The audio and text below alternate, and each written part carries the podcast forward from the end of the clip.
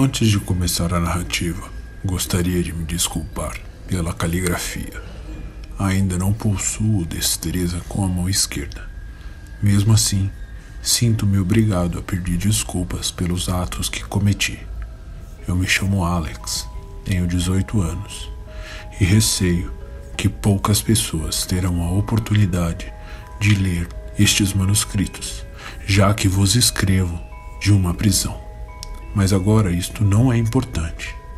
O que de fato importa é a advertência que deixarei gravado nesta narrativa.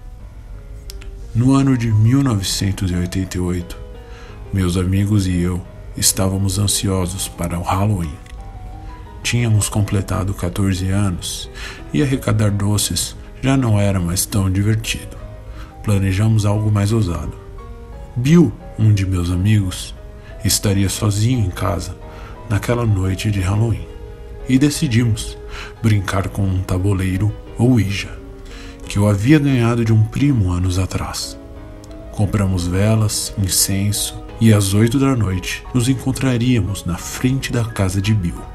Eu, Julian, Martin e Anthony. Entre todos, eu sempre fui o mais corajoso. Havia sugerido a brincadeira e estava bastante empolgado com a ideia. Desde garoto, li histórias e via filmes de terror. Dormia com uma lanterna embaixo do travesseiro todas as noites, com a esperança de ver um fantasma. Julian era o mais calado, simplesmente topava as ideias e ria com a gente. Martin não, estava completamente em desacordo com a ideia. Seus pais eram religiosos, tinha medo de tudo, assim como Anthony, seu irmão mais novo, que sentia medo e recorria à sua bomba de asma. Bill, por sua vez, concordava comigo. Estava ansioso para usar o tabuleiro e possivelmente ver um espírito. Estávamos em sua casa e deixamos para começar o jogo perto da meia-noite. Enquanto isso, Bill resolveu mostrar umas histórias sobre Halloween. Ele falou sobre a mitologia celta, sobre o festival do início do inverno enfeitou a história para assustar e funcionou. Logo, Anthony estava usando sua bombinha de asma e Martin fazendo o sinal da cruz. Por volta das 23 horas, iniciamos os preparativos. Acendemos as velas e incensos, nos sentamos de frente ao tabuleiro, apoiado na mesa de centro da sala, e iniciamos o jogo. No início, tudo parecia realmente uma grande brincadeira que a grande diversão era assustar os irmãos medrosos. Continuamos a jogar. Já havíamos passado da meia-noite e estava ficando sem graça. Martin e Anthony já não se assustavam mais e as combinações de letras do tabuleiro não formavam palavras com sentido. Pegamos um papel, anotamos todos os nomes que se formariam. Nenhum fazia o menor sentido. Largamos o jogo e fomos jogar videogame. O tabuleiro ficou na sala e fomos até o quarto de Bill. Jogamos por mais ou menos uma hora até ouvirmos um barulho esquisito na sala.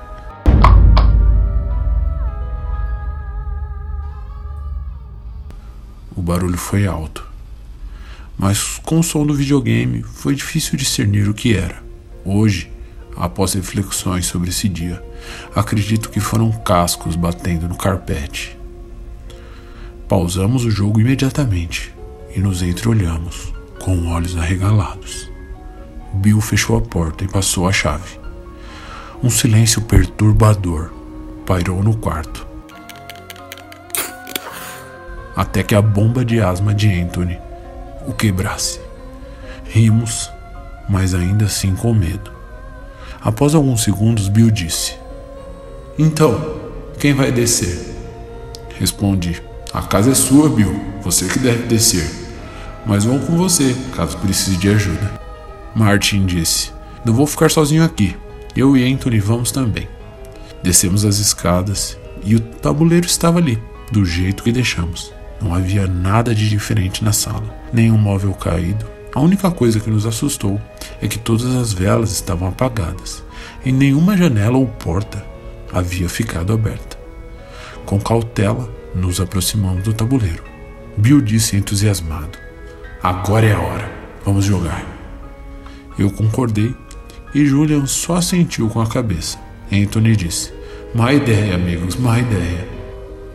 Bill voltou a falar: Três contra dois, nós vencemos. Então vamos jogar. Recomeçamos o jogo. E não sei explicar exatamente o que estava acontecendo, mas de fato o cursor estava se mexendo sozinho. Eu sei que existem diversas explicações para estes fenômenos de jogos, como o jogo do copo, por exemplo. Mas não quero entrar nesse debate agora. Talvez eu realmente tenha ficado maluco. O cursor foi direcionado para a letra O, para a letra I. Respondemos: Olá. Quem está aí? O cursor mais uma vez foi direcionado para as letras A, M, I, G e O, formando a palavra amigo. Largamos o cursor imediatamente. Anthony aspirou a bombinha de asma e nos entreolhamos. Questionei: Alguém está empurrando isso? É sério, gente. Todos balançaram a cabeça negativamente e continuamos a jogar. Perguntei em voz alta: O que você quer? Apoiamos as mãos no cursor e mais uma vez se movimentou para as letras, formando a palavra jogar. Mais uma vez, Anthony aspirou sua bomba de asma e nos entreolhamos. E questionei: Que jogo? Apoiamos no cursor que se movimentou para as letras, formando a palavra charadas. Bill disse entusiasmado novamente: Gosto de charadas. Vamos, amigos. Apoiamos nossas mãos no cursor e a palavra formada foi tempo. Perguntei a todos: O que tem o tempo? E Julian disse: Acho que ele quer que respondemos dentro de algum tempo. Apoiamos as mãos no cursor e novamente se movimentou. Dessa vez para a palavra sim. Perguntamos minutos, horas ou segundos. O cursor nos levou para a letra M. Perguntamos quantos. E o cursor foi direcionado ao número 1 e 3. Bill disse: Ok, teremos 13 minutos depois que a frase se formar. Mas o que acontece se não conseguimos? Colocamos as mãos no cursor e formou a palavra castigo. Mais uma vez a bombinha de asma foi aspirada. Bill tirou seu relógio do pulso e deixou perto do tabuleiro. Ajustou para o cronômetro e começamos. Novamente, apoiamos as mãos no cursor. Depois de vários movimentos e anotações no caderno, conseguimos formar uma frase. Quanto mais eu cresço, menos você vê. Ao terminarmos de formar a frase, Bill ativou o cronômetro de seu relógio e ficamos pensando: o que poderia ser? Enquanto chegamos a oito minutos no relógio, já estávamos respondendo as primeiras coisas que vinham na cabeça, e o cursor não se movia. O tempo continuou a passar e se encerrou. Apoiamos as mãos novamente e o cursor nos levou até as letras novamente, formando a palavra escuridão. Quando o cursor parou de se mover, em cima da letra O, as luzes da casa se apagaram instantaneamente. E foi naquele momento que eu realmente fiquei assustado. Todos nos afastamos do tabuleiro e Bill disse: Vamos parar, pessoal. Isso aqui já tá ficando estranho. Eu respondi: Vamos pedir permissão. Se o espírito deixar, podemos sair. Caso ele não deixe, temos que continuar. Bill retrucou: Caramba, Alex, agora que você avisa isso. Voltamos para o tabuleiro e perguntamos se podíamos parar. O cursor, mais forte do que antes, levou nossas mãos instantaneamente para a palavra não. Julian disse: Certo, quantas charadas faltam? O cursor nos guiou até o número 2. Julian pegou o caderno da mão de Martin, que estava trêmula, e disse: Qual é a próxima? Mais uma vez o cursor foi levado de letra em letra até formar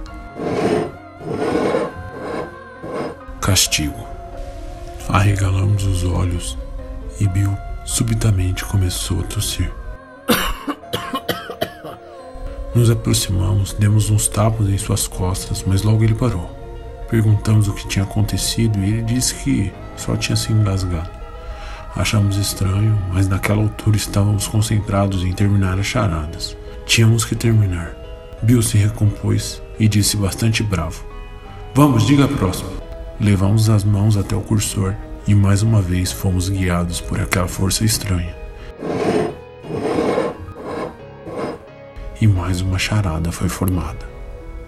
Sou a principal ferramenta do artesão e guio o jogo para a solução. Pressionamos o cronômetro e começamos novamente a falar. O cursor não se movia.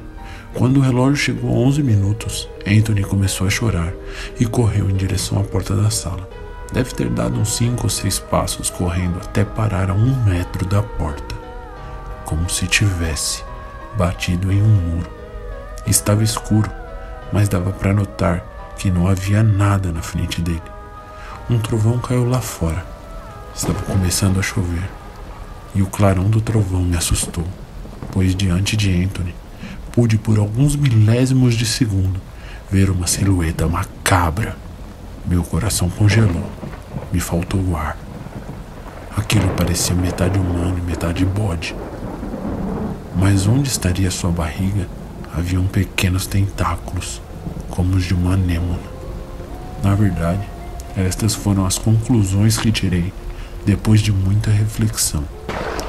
Afinal, foi apenas o flash de um trovão e estávamos apavorados. Seja lá o que fosse, parou Anthony sem nenhum esforço. O garoto deu dois passos para trás e puxou a bombinha de água. Seu irmão gritou: Anthony, volta aqui! Ele aspirou a bombinha e voltou andando bem devagar, com os olhos arregalados. Se sentou ainda ofegante e apontou para o relógio. Faltavam apenas 30 segundos. Ninguém disse nada. Ficamos em silêncio até começar a chover bem forte. Julian falou: Precisamos parar. É só não encostar mais no cursor. Eu retruquei. Julian, não é assim. Eu consigo notar que tem alguma coisa aqui. Tem alguma coisa aqui com a gente. E não vai parar até terminarmos o jogo. Julian disse: Certo, então vamos para a última. Apoiamos as mãos no cursor novamente. E a resposta da charada era a palavra mão. Resmungamos por não termos acertado, e mais uma vez o cursor nos levou à palavra castigo. E dessa vez, eu tossi. Foi como se eu tivesse respirado embaixo d'água por um instante engasgado. Logo me recuperei. Todos me olharam esquisito. Falei que tinha engasgado também. Bill me olhou estranho mas continuamos o jogo assustados. E o cursor levou para o número 5 e depois para a palavra entram. Houve uma pausa. Nos levou para o número 2 e para a parte inferior do tabuleiro, com a palavra adeus, que é utilizado quando podemos ir embora do jogo. Questionamos entre nós: cinco entram e dois saem? O que isso significa? Caro leitor, acredito que não seja necessário continuar com a descrição do ocorrido. Como foi mencionado, escrevo de dentro de uma prisão e não me orgulho do que fiz. Eram meus amigos, mas tive que lutar pela minha sobrevivência.